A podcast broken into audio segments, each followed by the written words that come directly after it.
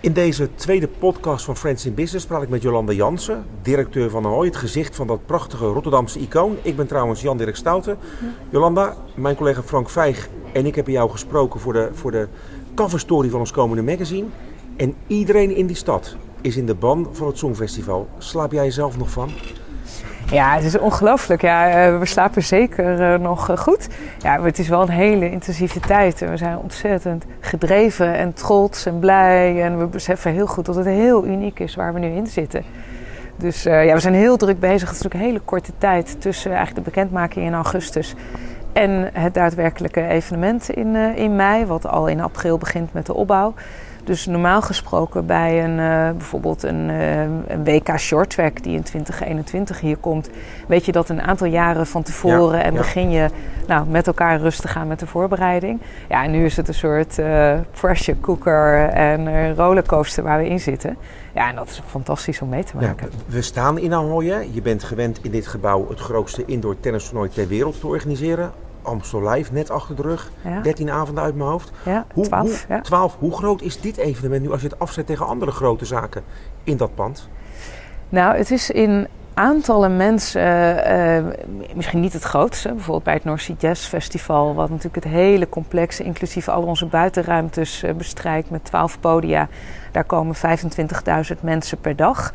Hier bij de show uh, kunnen zo'n 10.000 mensen in een show tijdens het Songfestival, waarvan we er wel negen hebben. Maar wat het heel groot en uniek maakt, is dat de periode zo lang is, dat het zo prestigieus is, dat er zoveel mensen naar de stad komen. Er zijn 1500 journalisten en dat zijn er heel veel meer dan. Uh, nou, 30 of 100 journalisten mm-hmm. bij een ander evenement. Uh, we zijn in zeven weken bezet. Um, het is, ja, heel veel mensen kijken natuurlijk mee. Een evenement wat door de EBU georganiseerd wordt, de European Broadcasting Union, met het team uh, vanuit de omroepen Hilversum en de gemeente Rotterdam en wij. Dus ja, al dat soort factoren maakt dat het ongelooflijk uniek is. Heb jij ineens heel veel meer vrienden die bellen, uh, lieve Jolanda, hoe kan ik kaartjes regelen via jou? Gebeurt dat vaak? Nou, er zijn heel veel enthousiaste mensen die inderdaad vragen, uh, ja, die heel graag naar het Songfestival willen. Ja, en ik vind dat een geweldig teken, want dat geeft aan hoe groot het is. En ik denk in Nederland, als ik voor mezelf spreek, is een beetje in de tijd van, uh, nou, sinds Anouk weer meedeed, uh, ja, een heel grote voorliefde weer en, en, en interesse in het Songfestival. En dat, ja, dat zie ik heel veel om me heen. En het is zo breed en zoveel mensen vinden dit leuk. En zijn ja, in Rotterdam dan specifiek ook heel trots dat dit uh, naar de stad komt. Ja, dat is fantastisch om daar onderdeel van te zijn. In het gesprek dat Frank ik met jou voerden voor het magazine dat in maart verschijnt, ging het ook over de RTM-stage. En je hebt een gedachte erbij om, om dat Songfestival te gebruiken ook als middel om dat nieuwe podium bekend te maken. Vertel eens. Ja, we gaan in september een, uh, een nieuw gebouw openen. Een groot congrescentrum en met daarbinnen een muziekzaal en theaterzaal, RTM Stage. Het gaat in september open. Ja, en wat ons betreft is het feit dat hier nu 1500 journalisten komen, en heel veel artiesten en managers en mensen uit de muziekbusiness. Ja, geweldige kans om dat verhaal te vertellen. 50 jaar uh, Ahoy. Oh, aan, de vooravond daarvan uh, in januari 21 de opening van, van het nieuwe gebouw, van de nieuwe zaal. Dus ja, geweldig uh, moment. En dat komt bij toeval dan nu voor ons samen. Maar dat gebruiken we zeker. Ja, er is in mijn beleving als Rotterdammer wel eens een strijd geweest met Amsterdam waar ineens een Ziggo Dome kwam. Hoe belangrijk is, is deze nieuwe locatie in, in dat kader? Ja, het is echt een nieuwe zaal, een nieuwe toevoeging die in zijn soort de grootste zaal van Nederland wordt. Zowel in een theatersetting als in een zaal hè, waar staand mensen naar een concert kunnen kijken. Dus ja, ik denk, en Rotterdam zit in de lift als stad ook, hè, ook internationaal. Uh, heeft ontzettend goede reputatie, een dynamische internationale stad. Er is ook echt veel veranderd in die laatste vijf à tien jaar. Dus ja, dat gaat allemaal meehelpen om, uh, om deze zaal op agenda's en in hoofden te krijgen. Hey, en dat verhaal, hè, ga ik wel even naar dat verhaal terug wat in het blad komt, dat gaat ook over jou persoonlijk. Ja? Over, vergeef me de woorden, over een meisje uit de Achterhoek, dat nu de hoogste baas is van het Rotterdamse icoon.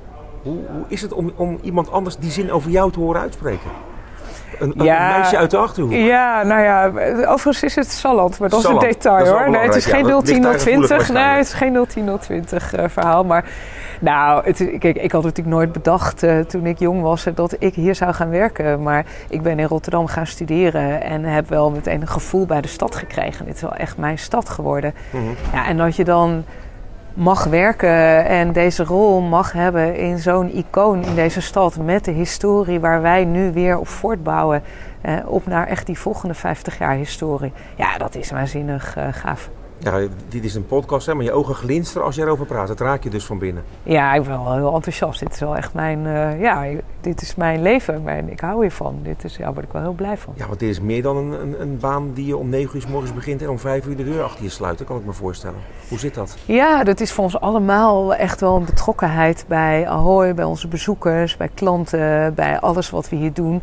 En dat zie je heel breed bij ja, collega's, uh, gedrevenheid. En die stopt niet om vijf uur. Alleen al om het feit dat uh, bijvoorbeeld uh, vanavond om vijf uur de eerste mensen binnenkomen voor Vrienden van Amstel. Ja. Ja, dan begint de dag dus in dat opzicht. Ja, dat is uh, geweldig om dat te zien. Als dan weer, we staan nu in een lege, hè, in een lege ruimte in onze, in onze hal, in onze plaza. Ja, en vanavond is het hier weer vol van mensen die hier binnenkomen, die een hapje eten voordat ze naar de show gaan. Uh, VIP's die komen, die hier uh, een jas ophangen en die naar de VIP-ruimte gaan. Ja, dat is altijd een geweldige vibe. Ten slotte, volgend jaar bestaat Ahoy ook 50 jaar in 2021. Ja. Hebben jullie plannen om dat nog te vieren met elkaar? Of met de stad? Jazeker, we gaan, uh, want ons nieuwe gebouw gaat open dus vanaf september. Maar in januari gaan wij de officiële opening vieren, die dan tegelijk valt met onze 50ste verjaardag. En dat gaan we vieren in uh, het eerste weekend van januari, dat weekend van 8 tot 10 januari. Waar we met onze nou ja, buren, mensen uit Rotterdam, onze zakelijke relaties, uh, families van collega's, gaan we dat in een weekend op verschillende manieren, verschillende momenten vieren. Ja, en daar zijn we nu mee bezig en daar kijken we ook mooi. echt naar uit. Een heel mooi feestje. Dankjewel, Jolande Jansen, directeur van de Hooi.